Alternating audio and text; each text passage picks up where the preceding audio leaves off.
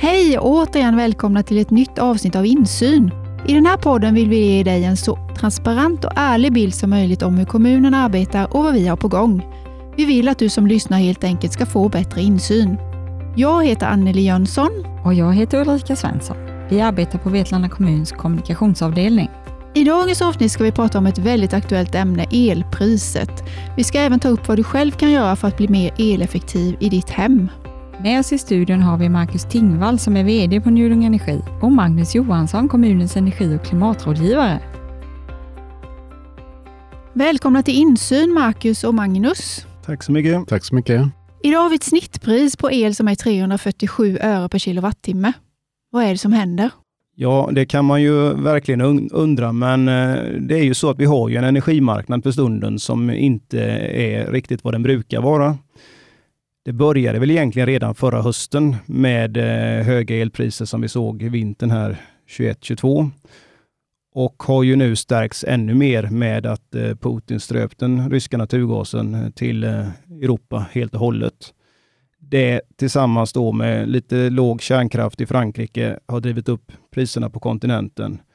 Och vi är mer och mer sammankopplade med den elmarknaden. Den europeiska elmarknaden hänger ihop. Och vi dras ju då med i dessa priser. Mm. Och det här är ju några prisnivåer som vi inte har sett på, man sett tidigare överhuvudtaget. De säger väl lite grann att vi har ju ganska bra elproduktion i Sverige. Vi klarar ju det.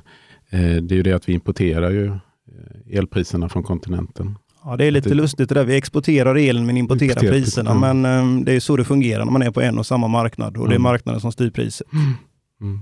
Men elpriset då, den summan som står längst ner på räkningen, det är knutet till kilowattimmar. Vad är, det vi, vad är det vi betalar för? Vad är det som står längst ner där egentligen?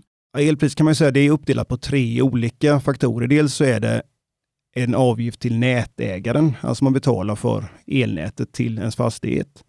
Sen betalar man för själva elen, alltså elhandel. Det är ju elen man använder. Och sen är den tredje delen är ju skatter, avgifter, energiskatt och moms på de här avgifterna, eller moms på priserna. Och det är elen som vi använder nu, det är den som ökar i pris? Det är ju elhandelspriset som ökar precis. Så nät, nätpriset, det är ju den nätägaren som finns i gatan. Eh, Njuding Energi exempelvis är ju nätägare i, i Vetlanda tätort med omnejd och ut på landsbygden är det E.ON. Så den, den kan man inte välja. Men själva elhandeln, alltså elen man använder, där kan man ju välja mellan 140 elbolag i Sverige och det är det, det priset vi pratar om. Det är den delen som ökar. Sen har vi också, om jag får flika in, det, Sverige är också indelat i de här elprisområdena också. Eh, och då är det ju dyrast här nere i trean och fyran. Lite högre upp i norr, där elen mest produceras, där är det lite billigare. Och gränsen går ju söder om Korsberga. Ja, vi är ju precis mellan trean och fyran, fyran. så vi har ju mm. kommuninvånare i både trean och fyran. Så är det ju. Mm. Och fyran är ju lite dyrare än trean. Och då kan man ju undra varför man inte kan flytta elen så att vi kan ha samma priser i hela Sverige. Ja, det, det, var ju lite det som var syftet med det här med att ha olika elprisområden. Det var ju då att vi såg att ja, dels har man lite flaskhalsar i, i elnätet, så man kan inte föra över den mängden elen. Och då ville man helt enkelt premiera de som vill eh, skapa elproduktion i område 3 exempelvis, att det var lite brist i det området. Och då vill man premiera dem att eh, producera mer el i område 3. Eh, men eh, det har ju inte fungerat, utan snarare så att prisskillnaderna har ökat och, och flaskhalsarna har man inte byggt bort i nätet. Vi hör också att man kan teckna avtal på timme, att det kan vara billigare på natten och så vidare. Är det många som gör det och varför skulle man göra det? Jag vet att hemma pratade vi om att börja ladda bilen på natten istället. Men så var det någon som sa till oss, du kanske inte har ett sånt elavtal? Nej, det där får ju vi väldigt många frågor om just nu. Det är ju en vanlig missuppfattning det här med rörligt pris. Har man vanligt rörligt pris, vilket den stora massan har, så får man ju ett månadspris, alltså viktat på hela den hela svenska folkets användning kan man säga. Viktat Eh, på en månad. Och då spelar det ingen roll om det är högre elpris klockan tre än vad det är på natten, för då betalar du ändå samma elpris hela tiden. Sen kan du ha timspot, Eh, då du helt enkelt köper el per timme och då får du ju den eh, konsekvensen. Dock skulle jag säga att det här är en av de vanligare missuppfattningar där media framförallt nu försöker nästan sälja in det här att eh, det här är lösningen på att få en lägre elförbrukning. Och har du inte möjlighet att styra din förbrukning så kan det mycket väl bli dyrare istället. Så att eh, vi rekommenderar ju bara det om du verkligen kan styra din förbrukning. Styra husets uppvärmning, varmvatten, elbil, absolut. Då finns det möjlighet. Men det är farligt att tro att det är lösningen om man inte kan styra sin förbrukning. Ja, precis. Sen är väl vissa företag håller väl på att titta på det, om de kan ställa om sin produktion till nattetid. Eh, så, så det, det, är väl mer eh, verkningsfullt att företag tittar på det kanske än privatpersoner. Ja, det kan det absolut vara då. Sen eh, är det ju, behöver man personalen nattetid så kostar det Nej. pengar också. Så det gäller att hitta balansen ja, i det. Då. Men, och det är väl så att den risken att det priset också blir lite högre när det blir kallare ute. Så att det kommer inte vara de här låga som det är nu. Däremot tror jag skillnaden mellan dag och natt kommer bli stor. Mm. Men har det blivit populärare med att teckna timavtal? Ja. Pressen, det... media skriver ju lite om det. Jo, men det, det, är det. Det är framförallt många frågor som kommer in. Det är väl inte så många som tecknar dem, utan det är väl mm. mer nyfikenhet som inte fanns för, för eh, mm. bara ett halvår sedan. Nej. Så fler är det. Ja. Men priserna då, vem är det som sätter dem egentligen? Ja, det är ju eh, Nordpol, elbörsen. Vi har en elbörs gemensamt i, i Norden och eh, det som styr priserna är tillgång och efterfrågan. Så att de är dagen efter priser kan man säga att mitt på dagen varje dag så sitt, sätter man priserna för kommande dygn. Och eh, då enas man egentligen om ett pris, producenter och, eh, och elhandlare. Så att tillgång och efterfrågan i det elområdet är det som styr. Sen är det ju inte riktigt så enkelt i och med att vi överför mellan områdena som vi sa, så att eh, det beror ju på vilken överföringskapacitet och hur det ser ut just då, så det spelar ju in också. Det pratas lite om ransonering också. Det låter ganska hemskt. Är det något som kan bli aktuellt? Ja, men det är, alltså, det är ju, det är ju det är märkligt att man sitter och ens pratar de här termerna, men det står ju en hel del om det i media. Jag vet inte mycket mer än det som man kan läsa sig till. att eh, Det är klart att elsystemet är ju så, det måste vara i balans hela tiden. Alltså det måste förbrukas lika mycket som det produceras och det måste det göra varje millisekund, annars blir det instabilt i, i nätet. Och det är ju en sista utväg då om vi märker att produktionen inte kan möta efterfrågan. Då är det ju helt enkelt att man stänger ner vissa områden och sen så får man turas om helt enkelt med, med, med det. Men eh, de flesta scenarier på vintern är väl inte som tyder på det. Men visst, en jättekall vinter och, och vi har ju minskat marginalerna nu med, med naturgasbristen, så risken finns. Och en stängd reaktor på Ringhals? Ja, den kom väl inte så lägligt heller, så att, eh, men den, eh, den öppnar väl i alla fall till december månad. Men eh, nej, den påverkar priset nu, det gör den. Men hur dyrt kan, hur, hur dyrt kan det bli? Ja, det är också jättesvårt att, att, fråga eller svara på. Det, det finns ju ingen tydlig gräns eh, i det läget. Jag vet att det fanns ett takpris, men jag vet inte om det är giltigt längre. Man pratar ju här att det ska ju, alltså risken är stor att vi har tre till fyra gånger högre priser den här vintern än vad vi hade förra. Och då var ju förra eh, vintern väldigt dyr. Så att då, då pratar vi ett antal kronor per kilowattimme. Men sen finns det ju kompensation också här. Det har ju lovats från alla partier oavsett vem som vinner valet nu så är det någon form av kompensation. Men hur den ser ut, det har vi ju inte heller någon aning om idag. Men Magnus, hur, vad, vad, rekommenderar du de människor som hör av sig till dig att man ska göra för att hålla nere sina elpriser? Ja, sina el sin elförbrukning, ja, det är, man kan ju göra eh, små, eh, lite mindre eh, beteendeförändringar. Eh, som att till exempel duscha mindre, tvätta. Eh, det här som vi alla känner till. Ja, precis. Ja. Och sen så finns det ju givetvis lite, vad ska man säga, att man tittar över sin fastighet på ett annat sätt. Att man har koll på sin fastighet. Man gör en energideklaration kanske det finns ett lagkrav på det, man ska göra det. Och när man gör en energideklaration så får man också tips på energieffektiviserande åtgärder. Och det kan ju vara till exempel om man har eh, som är väldigt dyrt att drifta ett hus med direktverkande el. Och avlasta ekonomin då genom kan man ju installera en luft-luftvärmepump som ett komplement till den direktverkande elen. Eller ännu bättre fjärrvärme kanske? Eller ännu bättre fjärrvärme. Ja. Solenergi då, ser vi ju överallt också. Ja, ja. Det, och då, då gör du ju egentligen ingen energieffektivisering på huset.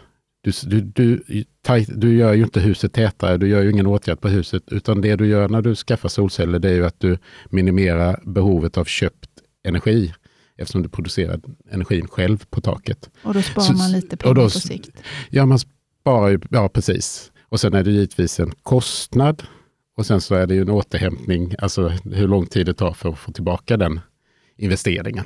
Det låter på dig som att du vill att man gör mer än att sätta upp solceller. Man behöver man göra behöver göra både också. och. I och med för på vintern när man har ett uppvärmningsbehov, då producerar ju inte solcellerna kanske på topp. Så då måste man ju ändå köpa in energi för att värma huset. Och då behöver man ju tänka på, jag kanske skulle ha gjort lite åtgärder på huset också för att minimera behovet av energi. Eh, ja, energibehovet i huset.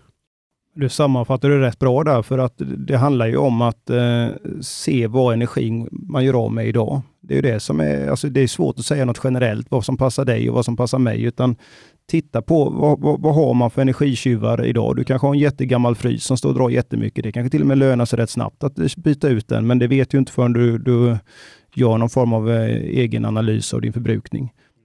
Bor du stort så, eller bor du i ett hus så vet du ungefär vad du ska förbruka för el, kanske då man läser på lite och så ser man sticka ut där. Vad gör, vad gör jag för fel eller vad gör jag för någonting som kan bli bättre? Och det är ju många jägare i Vetlanda kommun.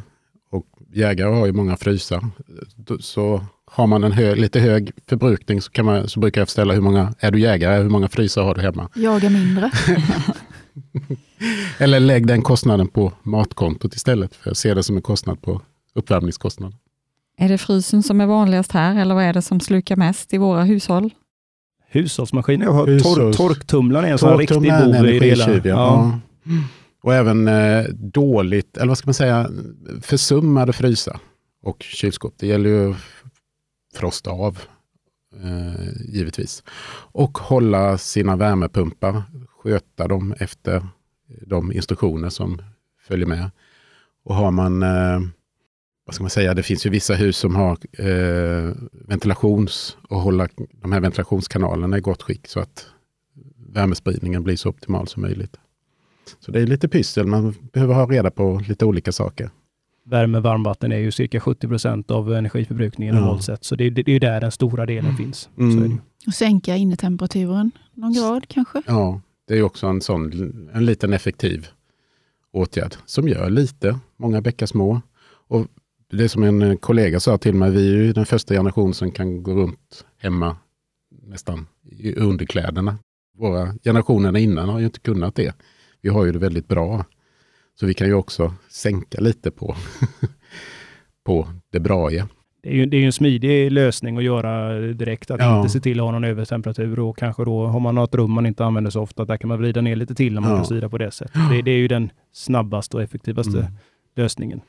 Sen hur mycket man sparar, ja, Mm. det, Nej, men Många det är bäckar små, många bäckar små. Ja. Ja. Att vänja sig vid mindre helt enkelt.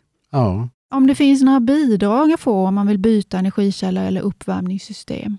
Nej, det finns inga bidrag för, eh, för att byta eh, energikälla. Däremot finns det ett, man kan göra ett eh, skatteavdrag på eh, att installera solceller som heter Grön Teknik. Då kan du också söka om du ska installera laddstolpar och eh, batterilösning på, till solcellerna. Och det är olika procentsatser, så till solceller så är det 15 procent i avdrag och till eh, laddstolpar är det 50% och batteri 50% Och det funkar ungefär som ett rotavdrag, eller det funkar som ett rotavdrag. Och installatören hjälper er med det när ni eh, tar kontakt med dem. Så, så ser de till att avdraget är gjort så man betalar fakturan efter avdraget. är det många som ställer frågor om laddstolpar nu och jag tänker med tanke på Ja. elbil. Eh, Inte jättemycket tycker jag inte ändå. Eh, det är ju väldigt populärt med elbil. Eh, ja, ja, det ökar Det, det jättemycket. ökar jättemycket eh, och den har ju skjutit verkligen i höjden eh, med laddbara fordon. Sen tror jag många, många hanterar det själv via, att man hanterar det via bilfirman. Så man har ju den hjälpen redan där när man köper bilen. Du Magnus är ju ute lite överallt ibland. Man kan Mm. se dig på höstmarknader och på torget och så. Mm. Vad är de vanligaste frågorna du får? Ja, det är ju stort intresse på solceller.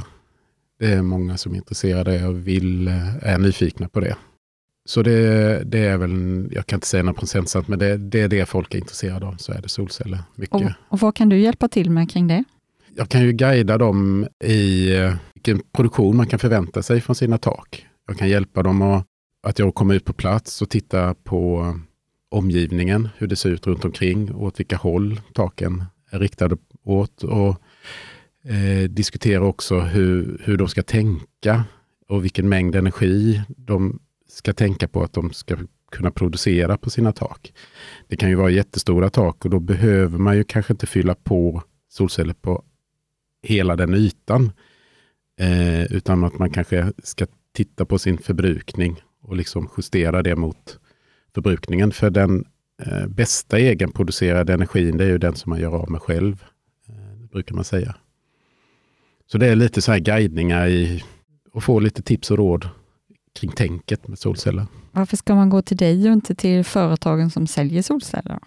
Jag är ju oberoende. Jag ska ju inte liksom tänka på och sälja in någonting.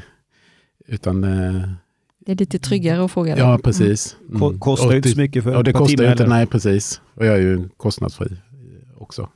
Energi, klimatrådgivningen är det. Och var finns du om man vill komma i kontakt med dig? Då är det bara att ringa till kommunen. Eller så, komma in i kontaktcenter? Eller komma in i kontaktcenter, ja. Mm. Eller hålla ögonen öppna på torg och gator och torg. Hur är det på Njudung nu då? Är det mycket människor som ringer? Ni nerringda nu i dessa dagar när det är så mycket fokus på elpriserna? Det är svårt att veta vad som är normalt nu, men vi har ju varit i den här situationen så pass länge. Vi hade ju framförallt då i januari, februari när den första toppen kom, så var det ju väldigt många som ringde och, och eh, bytte elavtal och vi hade en väldig anstormning. Nu eh, ringer det fortfarande många och frågorna tar längre tid att besvara. Man är mer nyfiken och mer analyserande och det är längre diskussioner. Så att ja, det, det rings mycket och vår kundservice är absolut eh, hårt ansatt. Och det får vi nog räkna med att vi kommer vara här framöver också för att det är, ja, man är orolig såklart. Det är ens egen privatekonomi det handlar om. Mm. Och man är mer påläst själv som kund då alltså? Ja, det har ju inte gått att undvika i, i det här, utan man har läst på och sen har man någon expert som uttalar sig att det kanske kostar 50 kronor per kilowattimme i vintern och då ringer man och frågar, är det rimligt? Och, ja, sen är diskussionen igång. Så att eh, mer frågor, och, eller längre frågor, så det är inte så mycket bara elhandel, utan det är mycket diskussioner. Vad är bästa avtalet just nu? Vad är det ni rekommenderar? Ja, det är ju alltid svårt att, att säga, men eh, alltså, det, är ju, det är dyrt att binda nu. Det är det. Så jag, jag, eh, jag sitter själv med rörligt just för stunden och eh, ser ingen anledning att byta just nu. Sen som sagt, vad, vad händer efter valet och vilka kompensationer det kan bli, det får vi väl se då. Det kan ju påverka. Men man kan fortfarande binda elpriserna hos er, för vissa bolag har ju strypt den möjligheten. Man kan binda ett, två och treårigt kan man göra fortfarande. Vänder sig folk till dig, Magnus, och frågar, ber om råd om elpriserna, hur de ska göra, vad de ska välja? Jo, det händer. Absolut. Har du bra svar att ge? Nej, det är samma som Marcus. Det är ju så osäkert allting, så det finns ju ingenting svar. Det finns inget att ge svar, känns det nu. Och sen samtidigt är vi uppe i en valsituation. Och vi vet ju inte när den nästa regering kan agera. Eh, så det är ju vänta ut nu, upplever jag det som. Ja, men det är ju, alltså jag är ingen expert på elmarknaden, men pratar med en hel del experter och de säger ju samma sak. Det här har man inte sett innan och vad det här ska sluta, det är ju ingen som riktigt vet. Så är det ju. Så oavsett utgång i valet så vet man inte riktigt vad som händer?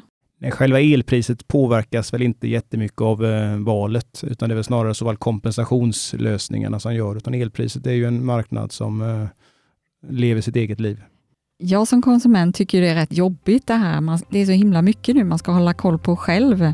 Så vad gör ni själva hemma?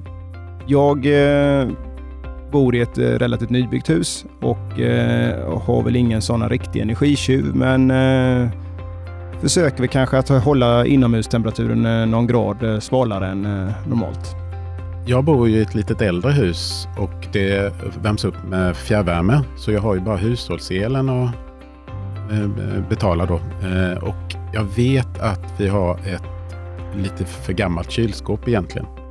Eh, så det ska vi byta till ett kylskåp med bättre energiklass. Ja, med det så tackar vi för oss den här gången och återkommer igen med ett nytt avsnitt nästa torsdag. Tack för att ni var med Magnus och Marcus. Tack så mycket. Tack så mycket.